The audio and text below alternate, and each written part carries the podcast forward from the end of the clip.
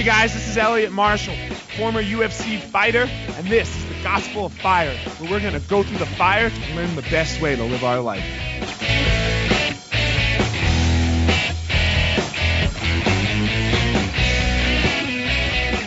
All right, guys, here we are, Elliot Marshall, uh, episode two of the Gospel of Fire, and uh, I'm here with my friend, uh, former training partner, and just all-around beast at life, I would say, Brian Stann. What's up, Brian? It's going well, man. Thanks so much for having me, Elliot. How are you? Thank, I'm good, man. I'm good. I'm, I'm doing great. So, uh, man, so uh, God, when did we meet, Brian? We met like I don't know, probably a decade ago, I would say, right? At uh, at Jackson's. I believe I want to say it was 2008. Okay. It was after I had lost my first fight in the WEC, and I remember the first day. I- I'll never. I I remember the exact first time I jumped into your guard, Oh no. and it got submitted. I don't know. It may have been three, four, five times. I don't know. Selective memory, but I remember when I stood back up because we were just kind of drilling and we were jumping in and out. Everybody was going in and out, and I remember Keith Jardine telling me, he's like, "Hey, dude, you can't play jujitsu with Elliot. I don't play jujitsu with Elliot." I didn't, you know, we didn't know who each other were. I had no idea what I was jumping into at that moment in time. Greg had a very interesting uh, method of how he trained people, right? Because I can remember my first time down at Jackson's. Um, we, we get we get down, we drive down, you know, and I'm thinking like, all right, you know, it's an eight hour drive.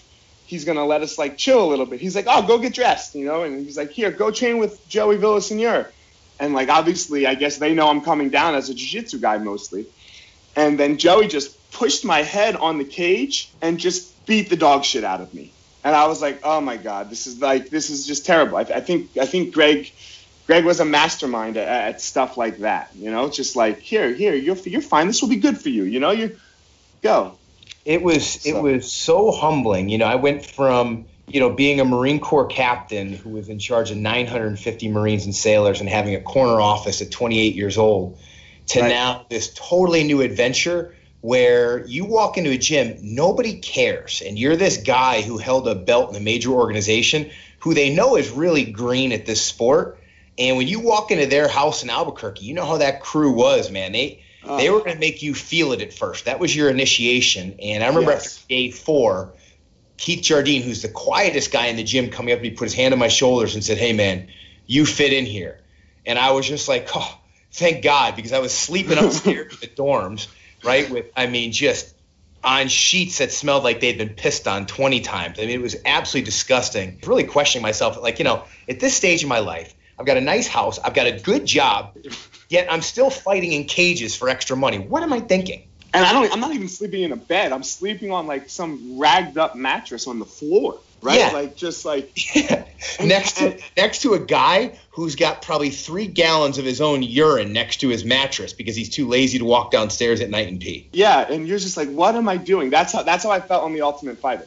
Like when I was locked in that house, I was just like, what oh. what, what is going on here? Like I ha- like I have my own house. Why am I doing this?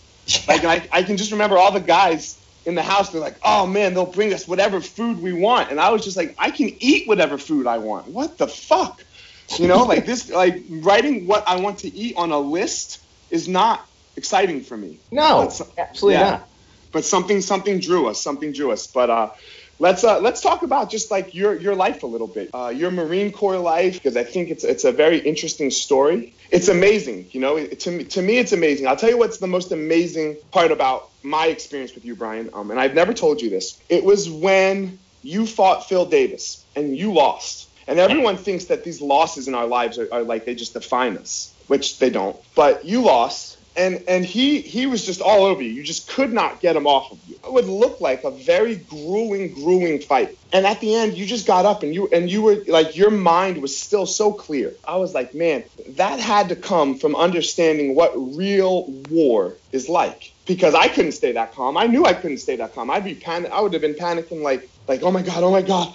And then that just that just creates more fatigue and all of that stuff. How, like what what did what did the the experience of combat do for you? Oh well, you know, with with that, it, it, it changes your perspective on everything, right? When you are, unfortunately for me, I saw a lot of it, and I don't say that in terms of bragging rights. Sometimes some people, when they have deployments, it's just it's pretty consistent where there's just a lot of bad experiences. And so when you're around that much death, you get a much greater appreciation for all of the experiences that life brings. And, you know, life brings great times and it also brings really bad times and really trying times. And for me, I remember in the second round of that fight, as I'm rolling around underneath them, I realized, look, there is nothing I'm going to be able to do to this guy. He is a superior athlete, superior grappler.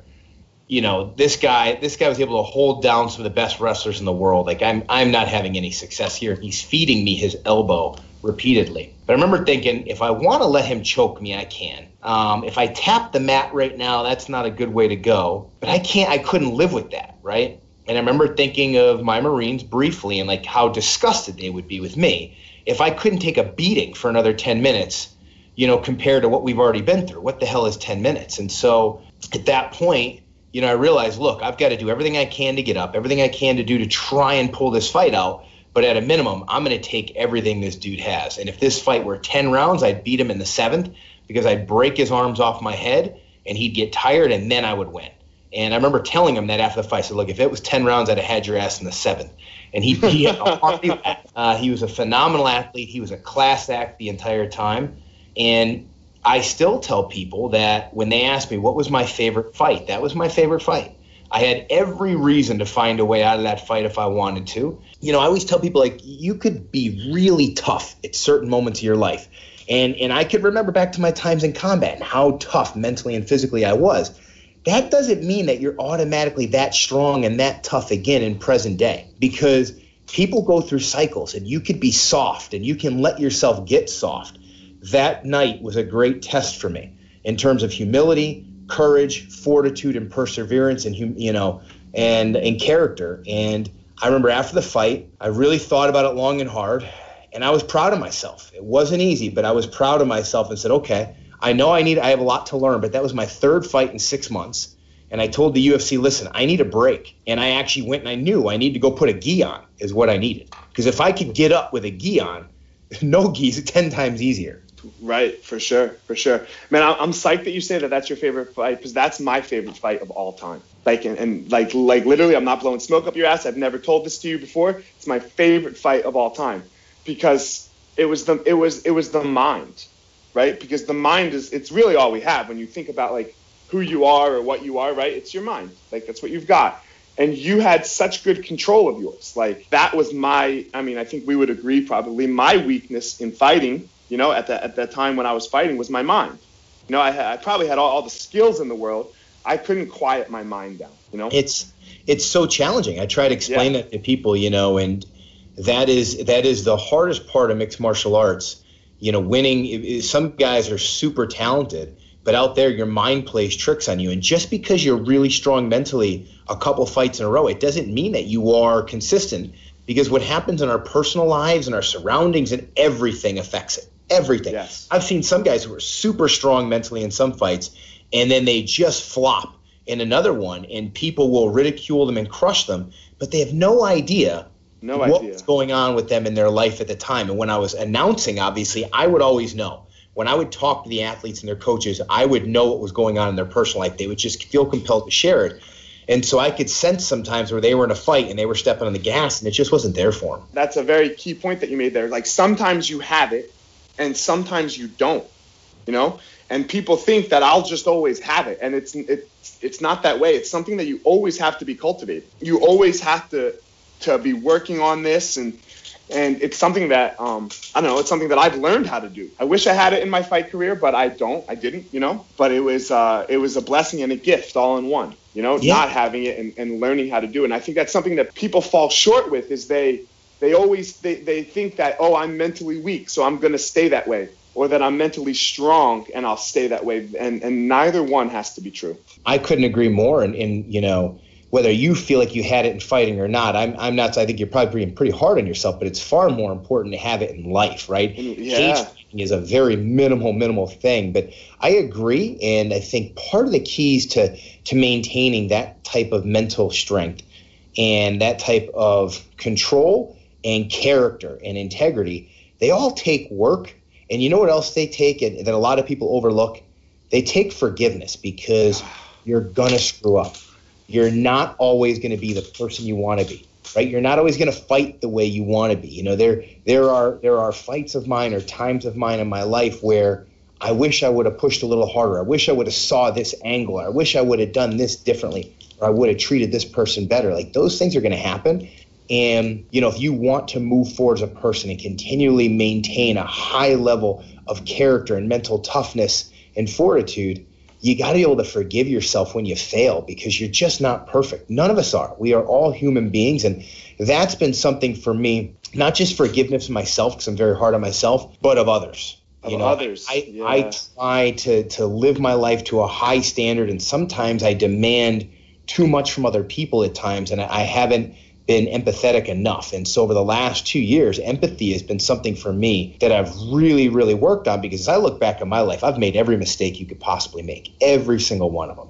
And and who the hell am I to judge anybody? And I need to have that understanding.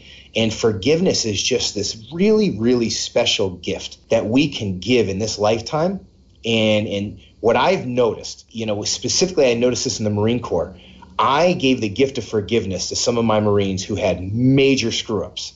And I could have chosen to really end their career at that time. And when I gave them that forgiveness, what I got in return was the best person they could be and it was a turning point for them in their life not just for you know for me as a lead i mean they were doing it for themselves their career their families but that little bit of forgiveness can go a long way with somebody and helping them really turn their life around and be the person they want to be. And so i think it's important i try to remind myself of that if i get disappointed both in myself or somebody else. I was talking to a friend last night about it and i was, I was like man i try to take none of the credit and all of the blame and when I when I do something wrong, I just say, okay, I blew that, and I, and I get over it very quickly with no credit given when I do things right. And that lets me do the same thing for like for other people. This word forgiveness that is is so key because why are we going to judge somebody on maybe what would be their worst act of their whole life? Like they have this one act, you know, this one thing that they did and you you don't know if it's going to be the worst one or not, right? But but man, I don't want to be judged in my worst moment. Yeah, it's such a beautiful. I mean, that that is an amazing point, Elliot. Right? We all falter, and if that is, and, and in many cases, you're right, right? And maybe it's not the only, but maybe it's one of three or four worst acts of their life. And if they live for 70, 80, 90 years, man, to judge them based on that, you know, is is crucial. And especially, I mean, you know, when we talk about this is your inner circle of friends, this is your family, this is your spouse, this is right. your kids, right? And uh, I think you bring up a, a, phenomenal point, and it's right in line with what we're talking about. Uh, and I think it's it's really important, you know, especially in today's day. And I know you're a big advocate for mental health. My wife is a huge advocate for mental health and runs a foundation that helps kids learn coping skills and does suicide prevention and mental wellness. That forgiveness when somebody screws up. It, it, I say it's a gift for a reason because when you do it you're gifting them that forgiveness so they, they can improve and move forward with their life but that also helps them to do the hardest thing which is to forgive themselves you know? And, and when you can't forgive yourself sometimes that that drives you to different places man that could ruin you that could hurt you for a long time. And and and you know what? We as human beings we don't deserve that. You know we're flawed. We're gonna screw up. We've got lots of crazy um, things that go through us and and things that tempt us so I, think it's a great point, especially in today's day and age where you can't you can't turn on the TV without seeing somebody getting blamed and destroyed. Whether you love Donald Trump and Hillary Clinton or or you don't, you know. But we're you know like and it just hasn't changed and and we're just destroying each other on our social medias. We we have no interaction and, and true human interaction with somebody who maybe I don't even know them, but maybe they're just sitting right next to me at the time being. But we're both just going to sit there on our cell phones and read absolute bullshit. Yep. You know, just quick, read absolute bullshit. 15 second snippets yeah. that are supposed to tell us an entire story about someone, something. And you know what the worst part is? We enjoy it.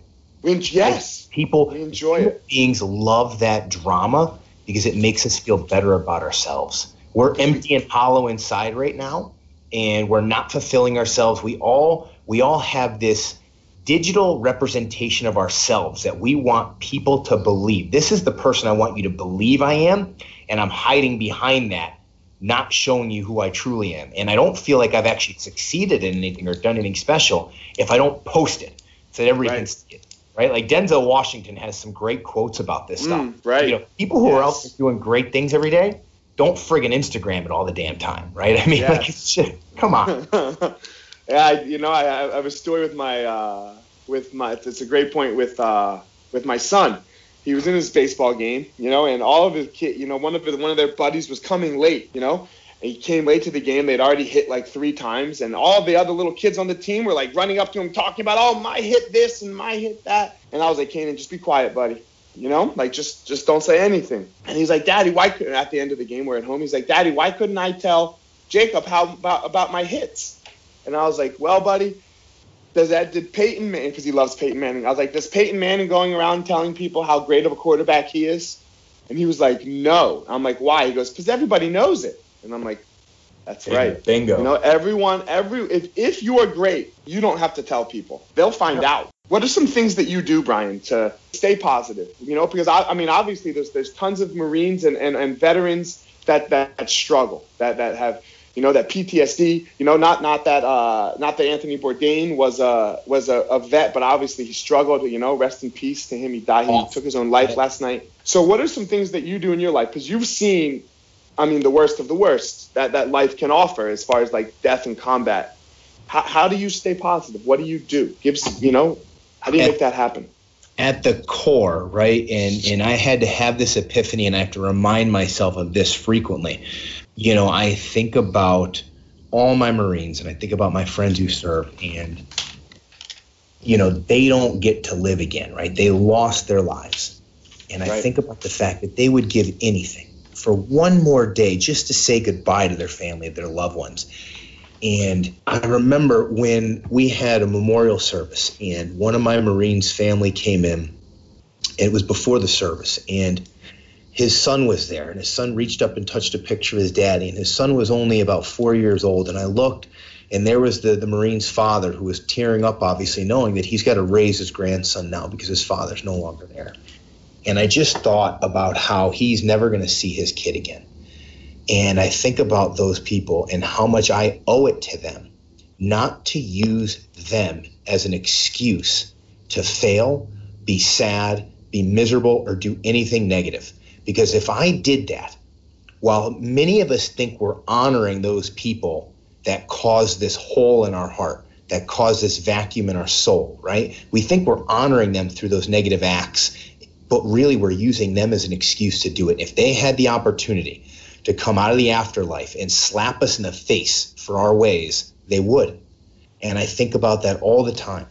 You know, a, a great friend of mine, Travis Manion, who died in Fallujah, was was just this immensely strong person, character, physical, everything, a warrior. He would slap me in the face if I ever used him as an excuse to abuse substance, to fail, to do something wrong, to be weak. I owe it to them. And, and, and not just warriors, right? But to, to, to all these different people who lost their lives early and would give anything for another day. We owe it to them to go succeed, to go be successful, to, to go live and love and cherish and do all the beautiful things in life that they no longer get the opportunity to. Because that's what they would want us to do. And and you know, life life can be tough enough. When you get the moments to cherish and to love, we gotta take an opportunity to do that. And so that's really helped me, you know, in terms of hobbies. I mean, martial arts was my sanctuary for a number of years, man, to help me really get perspective and focus. And, you know, fitness still fills that for me. You know, when I go work out and I work out really, really hard and push myself, I get great perspective. I have this positive energy and it gives me energy. I want to go home to my family and I just want to be with them. And that's, you know, at the end of the day, like everything I do in my life is this puppet show, right? Because I'm doing this as a means to the end, like a means to an end. All I really want to be doing is I want to be in my home. I want to be with my wife and I want to be with my three daughters. And they are they are the things in this world that I love and cherish the absolute most. I mean, I can't if I watch them sleep, if I look at a picture of them, I get this this immense feeling in my heart. You know, th- those are the things that I think of that help me stay positive, stay ambitious, stay motivated, and and just stay in tune with the things around me. Right, right. So those are the things that you would say keep you in, in what would be the present, Correct. right? Like you're Yeah. how you, you, you're, you're, you know, thinking of your Marines that, that don't have the present anymore. These are all just tools for you that you use to stay in this in this moment that we have, and the only moment we have is, is this current one, you know, and, and not in 10 seconds and not 10 seconds ago. And so let's let's let's be happy because uh, I liked what you said. They would. I, I don't. You know. I, I don't know if you need someone who has served or or died in service or anything. I think your grandfather or your grandmother would would be upset with you if you were crying over over them right yeah. now. If you if you were sad, if you were anything other than happy.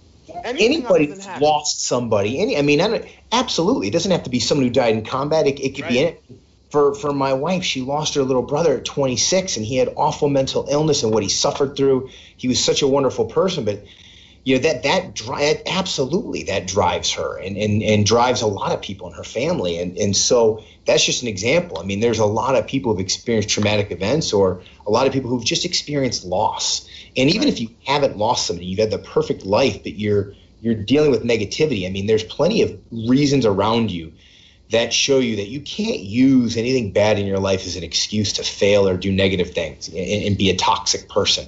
Um, life is too short and there's too many opportunities. And what you'll find is like you wake up and you're like, man, I wasted all these days of my life being negative. I'm writing a book right now and uh, with, with, this company called Book in a Box and they, uh, they, you scroll, you talk to them. You know, like I don't write, sh- I don't write shit because I can't write. Um, so I, you know, they, they, they, you talk to them, and I keep asking them.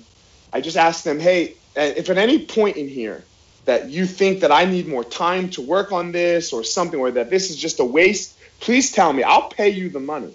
You know, I'll pay you the money because I can make more money, but I can't get this time back. You know, I, I can. I'll never receive this this moment again. So I don't want to waste it. I don't want to waste it. Tell me, tell me this is stupid and bullshit and, and whatever you have to do. I won't. My feelings won't be hurt. I'll still pay you all of the money I owe you, but I don't want to waste your time or mine because we don't get it again. Yep, exactly right. Exactly. So we're gonna we're gonna end one one question, Brian. Um, uh, I think you've already answered it, but I, I'm, i want to ask everybody this because this is this is this is my my spiel. You know, I think you have to have a why in your life, like you know, and once you you know, um, Nietzsche said it best: uh, he who he who has a why can bear almost any how. What is your why?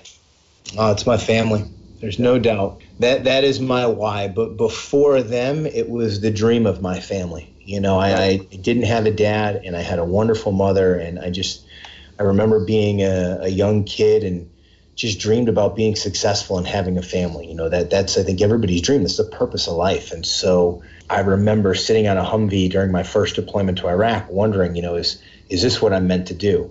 Uh, and and fortunately, it wasn't. Right. I mean, after that deployment, um, I would get married. Then after my next deployment, I would see, you know, life given, the birth of my first daughter gosh, that's such a powerful why. And I realize that there's some people out there that that don't get that why, and I, and that's you know I, I feel awful for them. You know, loneliness is something that I've I've always had a great amount of sympathy for, but for me, that's my why, and and I push, and I think that you know both myself and my wife come from very humble backgrounds, and our family still to this day doesn't have much. They're getting to that age, you know, close to retirement, and you know it's going to be tough. Uh, you know, Social Security, it's going it's going to be very difficult for our parents, our aunts, our uncles, things of that nature. And I know that I have an opportunity with some of the skills that I have that maybe I can change that. Right? Maybe I can be successful enough to where I'll have the ability um, to help my family and help them really enjoy their final decades on this planet and enjoy their retirement. Because for some people that I know who have been successful, some of the best years of their life. Like we all fear that middle age or that older age. Man, I know people in their 60s and 70s that are having the time of their lives. Mm-hmm. Mm-hmm. You know, that's how it should be. That's how it should be. And, and if I could help them do that and, and give that example to my children while also obviously helping them get a phenomenal education and graduate debt free, you know, I'd be a happy man. I'd be I'd be satisfied with with the things I've done on this planet. Right. And and man, I, I think it was really cool um, what you said there was was you you didn't measure success at all on, on on any material things. Nothing that you did, nothing that you owned. You know what would make you successful was was a was a family. that you you know that that's a, a loving, caring family, and and man, you know, I would agree. I uh, that's amazing. So that's a true man. I mean, I've met, you know, when we really, I've, I've, met so many people, and I tell people this all the time. The true measure of a man, um, since we're both men, I'm, I'm saying men, but I mean, I, right. I, I easily say this. Good, yeah. But the Same, true yeah. measure of man is what they do for their family. Not all of us are born equal. Not all of us are born in equal circumstances, right? And so not everybody can be super successful financially, right?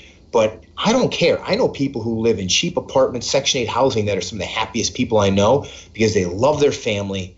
They they they interact, engage with their children, and they're great. I mean, that is the true measure of a man, and that's true wealth in my eyes. And that's those are the men that I respect the most. Conversely, with women, that man, I see moms who are both moms and business women, um, or they're just they're just spouses who who love their their their husbands. I mean, that that's the true measure, right? If if you if you are someone who can make other people better because of your presence, it, it's incredible. And so, I mean, right now, a, a brilliant man who I love dearly said to me one time, said, Brian, understand this. There are men and women out there right now that are smarter than us, that are better people than us, stronger, more courageous, and all they're doing right now is desperately looking for food to feed their children They've had none of the opportunity we've had, none of the chances. But they, if they had, they'd be better than we are. And right now, all they can think of is getting their kids something to eat right now. That's true. I've seen it. I've been to countries where I've seen that. And that's a harsh reality when you think about it. It makes you really be grateful for the things you have and grateful for the people in your life that that love you and and really show you that you need to love them in return and make sure that you're doing everything you can for them. Yeah, that that was amazing that last thing that you said. Like so true. There's there's way better people that all they want is a sip of water. Yeah. All they want, you know, all, for not even for them, for their for their starving child.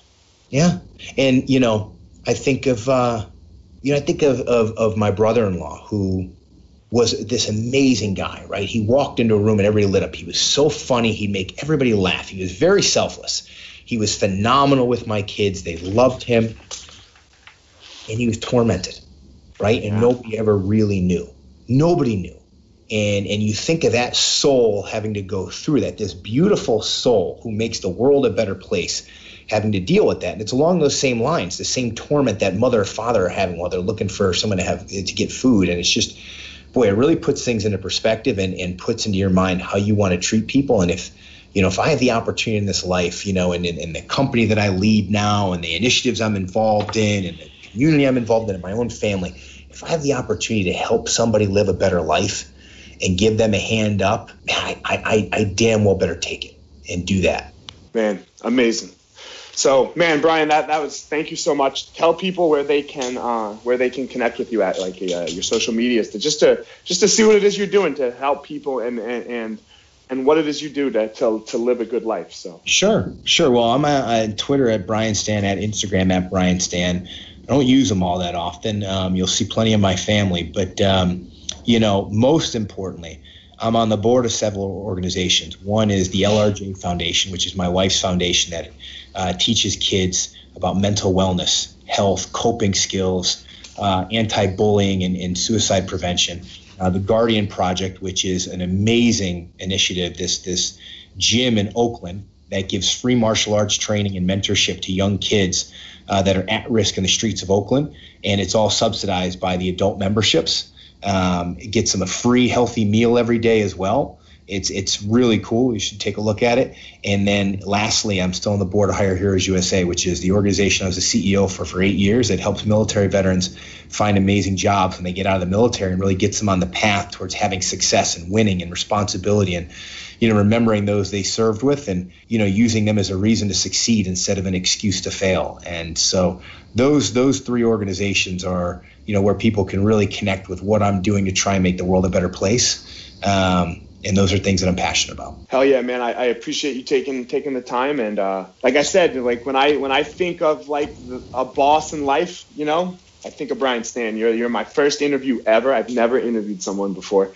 When I when I thought of it, I was like, you're the man. So I appreciate you taking the time to talk to me. I know you're a busy guy, man. My pleasure, Elliot. Thank you so much for having me. Thank you for saying these nice words, man. I have so much respect for you, and and thanks for all your help in my martial arts career. You're an amazing coach, amazing coach. Um, and I've said it time and time again on national TV. You know, the, the athletes that train under you are very lucky. I appreciate it. You know, got to spread, got to spread positivity in the world, right? That's what we got to do. So, all right, man. Thanks a lot, Brian. Take care. Hey guys, thanks for listening to this episode of the Gospel of Fire. Hit me up on my social media at FireMarshal205 on both Twitter and Instagram. Give me a follow at my fan page on Facebook, Elliot the Fire Marshal. Give a subscribe on iTunes, on Stitcher, wherever you're listening. Throw a review up there. Greatly appreciate it. We'll see you on the next episode.